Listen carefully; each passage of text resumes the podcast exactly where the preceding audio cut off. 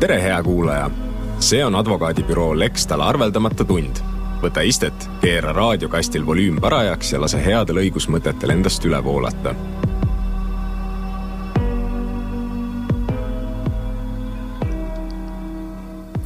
Здравствуйте, с вами в студии журналист Наталья Саль и партнеры адвокатского бюро «Лекстал», присяжный адвокат Олови Юрий Луик, эксперт в области страхового права. Здравствуйте. День добрый. И присяжный адвокат Ксения Кравченко, руководитель русского направления бюро «Лекстал». Здравствуйте. А, у нас сегодня с вами, господа, довольно сложная, конечно, тема, но, а, наверное, нет темы более актуальной и а, темы, которая больше бы сейчас волновала умы, в частности, тех людей, кто очень опасается совершенно необходимой вакцинации. Я бы даже сделала такой акцент. Она очень беспокоит людей, которые и хотели бы да, у нас проблема с невакцинированными людьми, и они хотели бы, может быть, но они не могут победить свой страх. Конечно, страх прежде всего перед побочными явлениями. И, насколько я знаю, э, это тема, которая беспокоит и властные структуры, и э, беспокоит каким-то образом бизнес, который э, простаивает и страдает без привитых людей, э, и э, туристический сектор, и сектор гостеприимства, э, который, да, испытывает тоже сложности именно с непривитыми людьми. Короче вообще говоря, э, несмотря на то, что получается тема очень большая, а вообще говоря, статистика, число э, вот этих побочных явлений, которыми э, все названные структуры так или иначе обеспокоены, и часть из них, в том числе и ваше бюро, планирует заниматься. Их много вообще, побочных явлений? Э, нет, я бы сказал так, что побочные эффекты вакцинации исключительно редкие. Мы знаем, что в Эстонии сделано где-то порядка миллион шестьсот пятьдесят тысяч доз. Это значит, что какие-то люди получили один, какие-то два, какие-то три дозы, какие-то не получили. Но из этих 1 миллион 650 тысяч доз мы знаем, что э, только где-то приблизительно 0, 0, э, 0 э, 0,01% случаев, где серьезные негативные последствия. Это значит, что это гораздо меньше, чем обыкновенно связано с лекарствами. Но все равно такие какие-то маленькие номера э, существуют, и, конечно, с такими людьми надо заниматься, надо возмещать и их ущерб. То есть мы сейчас говорим о том, что одна сотая процента э, среди прививок, сделанных людям, понятно, что названное число, а, миллион шестьсот пятьдесят тысяч, это больше, чем население Эстонии, мы говорим об уколах, вы совершенно правы, а, кто-то получил уже а, уколов больше, чем один, и даже больше, чем два бустерные дозы у нас активно делаются. Значит, мы говорим о том, что ноль 0,1, как сказал Олови Юрий, одна сотая процента. Это совсем немного это совсем немного, и а, это непропорционально мало по отношению к тому, какое число людей а, колеблется между вакцинацией и невакцинацией. То есть а, группа вот невакцинированных и боящих вакцинации, боящихся вакцинации, их условно можно разделить на, на две части. Э, первое — это ярые противники вакцинации, они ни от чего не вакцинируются, ни сами, ни, ни своих детей. И вторая группа — это те, кто именно боятся побочных эффектов. Так вот, этих людей гораздо больше, чем этот 0,01% процент, одна сотая процентов, э, которые теоретически могли бы пострадать от этой вакцины. То есть фактически, если э, правительство сейчас э, выступит с этой инициативой, и если эта инициатива пройдет в парламенте, и эта система будет создана, то та польза, которая, которая наступит для государства, и тот процент увеличения числа вакцинированных за счет того, что люди просто перестанут бояться потому что они получат дополнительное, дополнительную гарантию того, что если со мной э, что-то случится, то государство меня поддержит, то, конечно, эта польза налицо. Олови Юрий, скажите, пожалуйста, реально это возможность, и реально ли это перспектива, что одна сотая процента вот совсем скоро может перестать бояться, потому что э, на ее стороне будет вот такой вот мощный механизм? Э, я думаю, что это вариант очень большой. Во-первых, э, Министерство социальных э, сфер э, уже где-то порядка пару месяцев начинала работу по этому закону. Правительство хочет, чтобы этот закон пошел бы в парламент в декабре месяце, и если планы пойдут так, как люди хотели, то где-то порядка марта, апреля, мая будут принимать этот закон, этот закон будет э, действие, и что очень хорошо, то, что касается всех вакцин ковида, они дают покрытие и за последние две года. Это значит, что это страхование, если это будет в силе, будет возмещать и ущербы тех людей, которые получили ущерб в течение последних двух лет. То есть закон имеет обратную силу? Точно. А есть у нас уже какое-то подобие, ну, я просто спрашиваю с точки зрения человека, который совершенно обыкновенный, да, не знает так много о страховании, как вы, но, безусловно, заинтересуется процедурой. Уже вот есть вопрос, где и как это одна сотая процента может заниматься, начинать хлопотать, бегать? Это чуть-чуть передвременно сказать. Угу. Конечно, мы знаем, там мы хотим писать, но это еще не в парламенте. И в конце концов парламент будет решать, как это точно стопроцентно будет сделано. Но наверняка этот, этим страхователям будет в таком случае больничная касса, но это будет видно. Это значит, что наверняка от апреля-мая от больничного касса можно ходатайствовать возмещение ущерба, если э, видно, что есть причиненная следственная связь между вакцинацией и ущербом. Ну, то есть, э, когда этот закон будет принят, нам будет смысл еще раз с вами встретиться и уже поговорить о процедурных вопросах. Точно. Окей.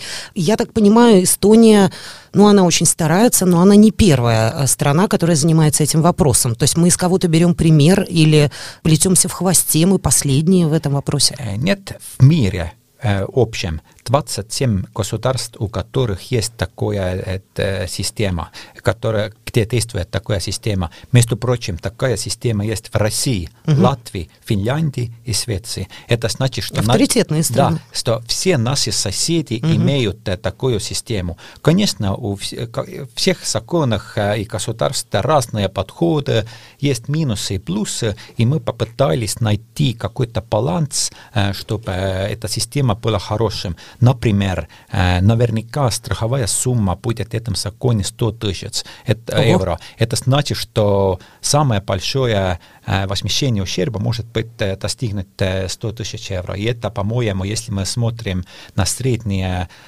зарплаты в Эстонии, это очень большая сумма. Да, это немалая сумма. А если говорить о тех 27 странах, о которых, э, которые упомянул Олови, то э, можно даже невооруженным глазом проследить корреляцию между э, наличием такой системы и уровнем вакцинации в стране. Естественно, эта корреляция не 100%, но тем не менее видно, что э, те страны, как правило, это все-таки благополучные страны с высоким уровнем жизни, с уже развитой и давно, давно установившейся демократией, э, у них э, более уровень, больше уровень уровень доверия народа к своему правительству, и в том числе наличие этого фонда какую-то свою лепту вносит в то, что люди доверяют э, тому посылу, который, э, который их государство, э, государство дает, и они доверяют системе того, что надо вакцинироваться, потому что это в общих интересах. Ну, в принципе, я думаю, это такая довольно тривиальная история для страховщиков, да, то есть когда у человека предстоит э, в жизни на пути что-то новое, необычное, э, он, ну, пытается, как говорят по-русски, подстелить соломки, да, то есть если он едет куда-то далеко-далеко, он страхует себя, опоздание, билет, багаж, там, ну, что хочет, или не страхует ничего, и потом бывает довольно сложно. Так и здесь. Люди столкнулись с, с каким-то новым явлением, новым заболеванием, новым порядком вещей и жизни, э, и, соответственно, соответственно, новыми рисками. Да, это как раз ваше же слово, да, слово страховщиков. Они сталкиваются с рисками. Существует какое-то понятие собственной ответственности, скажем, в данном случае? Нет, в таком смысле не будет. Но там, конечно, будет, будут какие-то ограничения. Но не всех ущерб платят. Это, это ясно, что не каждая страховка может платить на, за все. Угу. Конечно, эта страховка а, будет возместит ущерб за серьезные случаи, за смерть, если такое случается.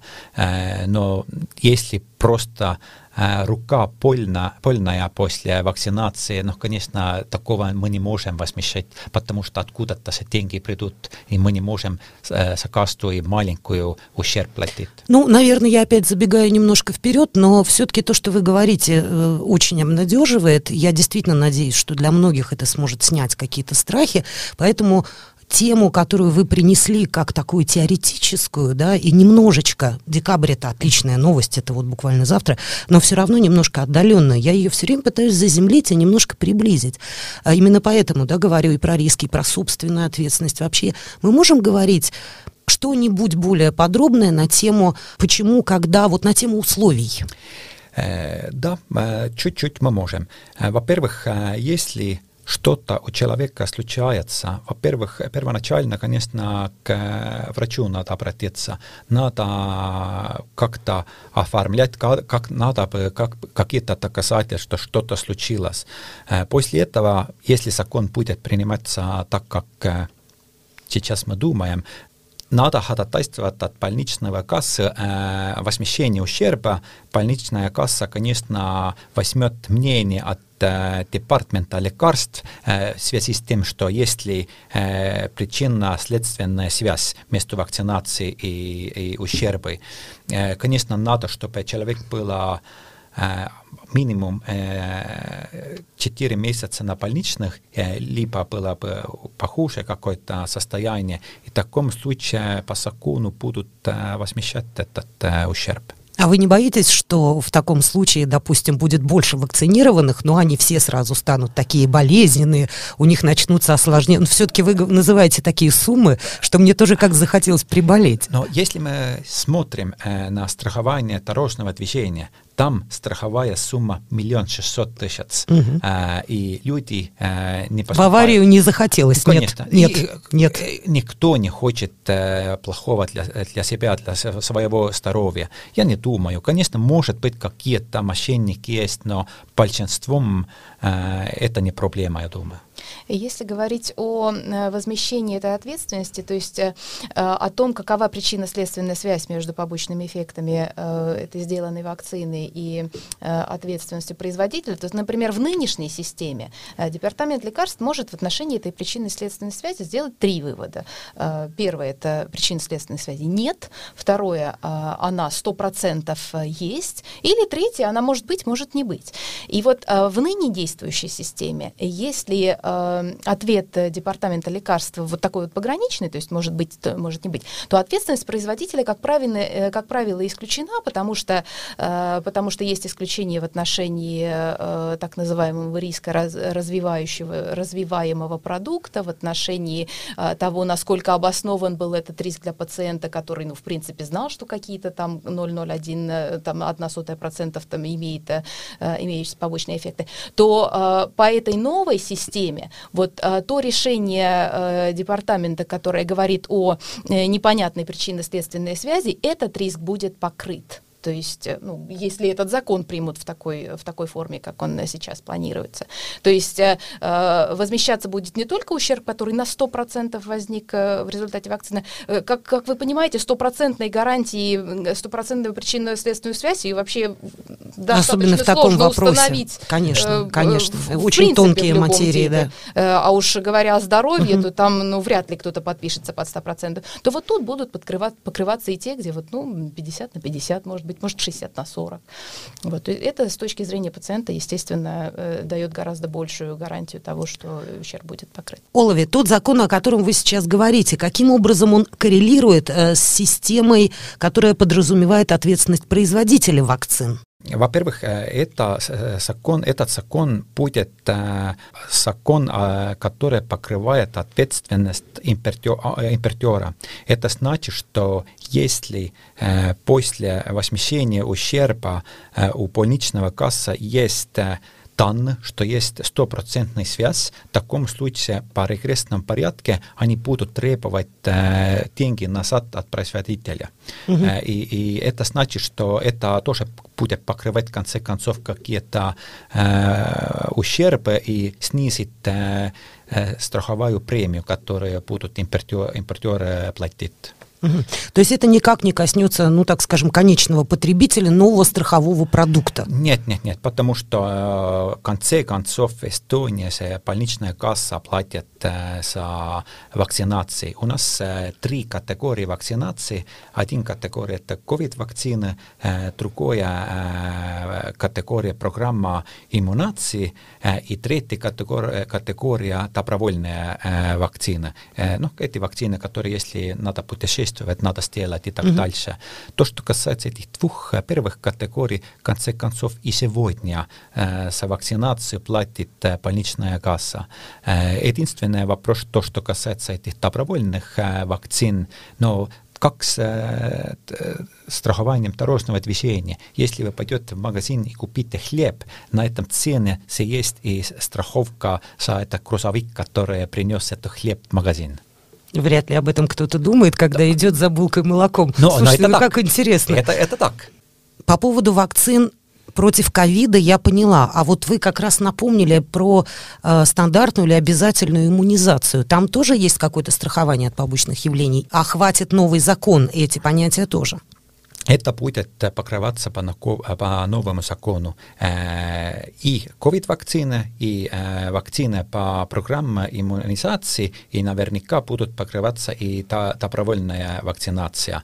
Эти все будут покрываться. Единственная разница в том, что Э, то, что касается э, вакцин от программы иммунации и вакцин добровольного, добровольных вакцин, эти не э, будут покрываться за последние два года. Это только когда этот закон будут принимать, эти ущербы, которые после... Ну, в реальном времени. В реальном времени, да. Но то, что касается COVID-вакцин, здесь ясно, почему государство хочет покрывать, потому что для всех это такая новая вещь, и если мы думаем, поставляем себя на место частного лица, как трудно идти, например, против Pfizer. У Pfizer прибыль где-то порядка 33 э, миллиардов э, долларов в год. Э, э, эстонский государственный бюджет 13 э, миллионов, миллиардов. Это значит, что это два с половиной э, раза больше, чем у эстонского государства. Если быть на месте частного лица, во-первых, Э, Pfizer не находится в Эстонии, во-вторых, э, деньги у, них, у него хватает, но то же время, когда будут принимать этот закон, человек может обратиться в государственное учреждение, получить оттуда возмещение ущерба, и это государственное учреждение будет уже сам э, связываться с этим Pfizer. Ну, в компании государства, конечно, с э, производителем вакцины бодаться немножечко попроще. Конечно. Э, скажите-ка, а почему э, вот у нас есть, ну, все-таки достаточно много институтов, которые уже сейчас есть, они действуют, э, и мы говорим о принятии нового закона и соответственно, о новой процедуре. А того, что есть, недостаточно, мы можем как что-то реструктурировать, может быть, кого-то обязать, нанять нового человека, ну вот на базе того, что есть, нет? Нет закону, но здесь, здесь вопрос в том, что э, по нынешним э, законам э, ущерб должен э, возмещать э, либо производитель, либо импортер. Оба для частного лица очень трудные со, соперники. Нет, угу. нет, нет вопросов. И, и единственное, что мы можем сделать, то, что кто будет этим страхователем. Угу. Это будет больничная касса или кто-то другой. В таком случае, конечно, каких-то людей надо принимать на работу новых, но в конце концов система уже есть. Э, если мы говорим о каких-то исках против э, Pfizer, AstraZeneca и прочих, то, безусловно, международная практика есть по, э, не по вакцинам, а в принципе по лекарствам. Но это, как правило, это массовые иски, то есть там собираются не один и не два человека, а какая-то достаточно большая группа людей, которые пострадали от конкретного лекарства. Они выбирают себе очень дорогого адвоката, который ведет этот очень дорогой процесс, как правило, не на своей территории территорий. То есть ожидать от э, тех наших, э, допустим, вот этих 200 э, пострадавших, что они смогут себе позволить такой иск, то есть теоретически у них эта возможность есть, а практически эту возможность э, очень сложно реализовать, и скорее всего, скорее всего и не будет таких исков, как э, группа эстонских граждан или просто жителей против компании Pfizer или против компании AstraZeneca mm. или любой другой. А из того, что вы, Ксения, только что сказали, а известно нам, вам, все-таки в вашем цехе этой информации больше, мне кажется. Известны уже случаи, когда э, граждане, группы граждан, я не знаю, большие компании, очень богатых граждан, э, затевали процессы и э, с производителями вакцин, и эти процессы заканчивались в пользу этих граждан или групп граждан. Статистика есть какая-то уже, но все-таки два года прошло. Эстонии таких случаев нет. А в мире? 27 стран, вы сами сказали. Да-да, но этих 27 государств, это система, либо государственная система, либо частная система платит ущерб, как они э, требуют деньги от производителя назад, этого мы же не знаем. Угу. А то, что касается э, обыкновенных частных людей, пойдут ли они против Pfizer или так дальше, в Эстонии таких случаев в судьях, судьях нет, угу. ноль. То, что касается в мире, да, конечно, есть, но это, это, как Ксения объяснила, очень трудно э, идти. Это причинно-следственная связь доказывать, э, это ужасно трудно.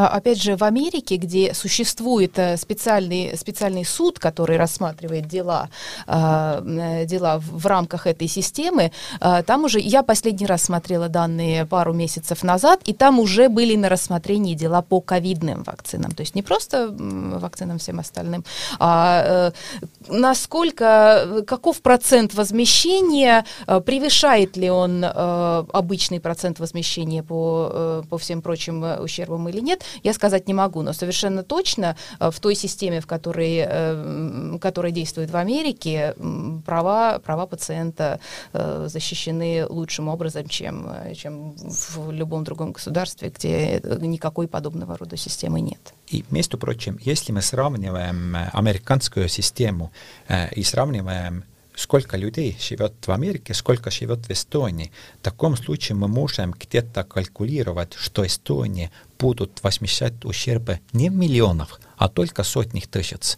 Это значит, что как мы начинали таких дел очень мало действительности. И Одна сотая процента, да, это, напомним. Да, и, и, и в конце концов, э, э будет ли это пару сот э, тысяч евро или будет, я не знаю, 500 тысяч евро, но все равно для этих э, э один из сотни, э, сотни э, человек это, это же э, ущерб, надо ему возмещать. Но это, в конце концов, очень маленькая сумма будет для государственного системы, чтобы возмещать. Знаете, я вот сейчас подумала, не очень давно, несколько лет назад, у нас появился закон э, об алиментах, э, который позволяет женщине не самой догонять мужа и требовать деньги, а обратиться за помощью к государству. Да, то есть она рассказывает о том, что муж, э, значит, э, мерзавец-негодяй, как обычно, э, он оставил семью и не платит алименты на ребенка. Государство очень расстраивается, начинает помогать этой женщине – исходя из, конечно, каких-то, да, тоже анализов ситуации, сколько денег, сколько детей и прочее. Но при этом параллельно оно разыскивает мужа и разбирается с ним само, государство. То есть женщина защищена, проблему решает государство, потому что оно потратило деньги, оно хочет их получить, и оно ищет этого мужа, который бегает от элементов, но этим не занимается женщина, которая осталась условно одна с двумя детьми и так в тяжелой ситуации. Здесь мы имеем ситуацию, которая мне кажется отчасти аналогичной. Да? То есть у человека есть проблема, он эту проблему решает не с каким-то фармакологическим гигантом, он делегирует полномочия государству, государство решает эту проблему очень быстро, исходя из своего ресурса, в том числе законодательного, которого мы с вами сегодня начали ждать. А дальше уже оно решает эти проблемы так, как оно считает нужным, потому что у него, да, свои там рычаги и механизмы. Правильно я понимаю, можем мы проводить подобную аналогию? Я думаю, она просто будет очень многим понятна. Э, никогда не думала о подобной аналогии, но в принципе почему нет? То есть фактически государство на себя берет ответственность за действия какого-то третьего лица, за э, ущерб, причиненный третьим лицом. Здесь, э, здесь надо, наверное, еще э, такой Э, такой момент отметить, что сумма алиментов-то у нас, э, как правило, там 200-300 евро в месяц. Да, ну, кто как, э, кто каким образом обосновал свои требования в суде. То есть там от минимальной до, до какой-то. А сумма возмещения вреда, причиненного вакцинацией, может быть в разы и в разы больше. То есть здесь, в этой ситуации, ответственность, которую согласно на себя принять государство, гораздо масштабнее, чем та ответственность, которая связана э, с конкретным злостным неплательщиком алиментов, чья сумма долга может быть, там, не знаю, 5 тысяч за несколько лет набежала. Ну, как говорится, э, в народе есть и хорошие новости. Да? Давайте повторим те цифры, с которых мы начали. Миллион шестьсот пятьдесят тысяч доз прививок и всего одна сотая процента побочных явлений – которые, собственно говоря, подпадают под страховой случай, о котором мы говорим. Да? То есть алименщиков очень много, а побочных явлений, как слава богу, мы выяснили очень мало. Да, конечно, великие суммы, и это справедливо, и это, кстати говоря, на мой взгляд, ну, очень человеколюбиво и гуманно, как гуманно и то, что заниматься этим будет государство. То, что это явление настолько мало распространенное, как вы вот принесли мне эту статистику, это, конечно, не может не радовать. Очень хорошо, что этим очень маленьким числом людей будет государство заниматься. Это наверняка снизит какие-то страхи людей, и может быть на одном день это все, что касается ковида, заканчивается, потому что самая большая проблема в данном времени то, что не так много людей вакцинированные, потому что у людей есть какие-то страхи и так дальше. И я думаю, что это закон позволяет людям э, снизить этот страх. Очень и почувствовать много. себя более защищенными. Конечно, конечно. С собственно говоря, это основная функция государства, да, в общем-то. Да. да, собственно, Наталья, как вы сказали, э, как правило, когда мы говорим как, какими-то философскими терминами, э, гуманизм, свобода, демократия, они проходят мимо, мимо ушей. Но вот сейчас я в первый раз в студии говорю о том, что наше государство э, делает что-то, что полностью соответствует идее гуманизма. Ну что ж, мне, наверное, остается только взять с Олови Юрия Луйка обещание, что он доведет этот процесс до конца настолько, насколько это в его силах, да, конечно. И как только все это завершится благополучно, я очень на это надеюсь, э, мы соберемся в этой студии еще раз, чтобы обсудить уже сугубо процедурные вопросы и дать нашим слушателям советы о том, как поступать в каждом конкретном случае, которых, повторюсь, очень и очень мало, одна сотая процента. Напомню, что в нашей студии сегодня о побочных явлениях и о компенсации ущерба от э, побочных явлений, вызванных вакцинами от коронавируса, э, мы говорили с партнерами адвокатского бюро «Лекстал». Это присяжный адвокат Олови Юрий Луйк, эксперт в области страхового права, и присяжный адвокат Ксения Кравченко, руководитель русского направления бюро «Лекстал». see oli arveldamata tund. tänan, et kuulasid. saate tõi sinuni advokaadibüroo Lextal, alati personaalne, julge ja usaldusväärne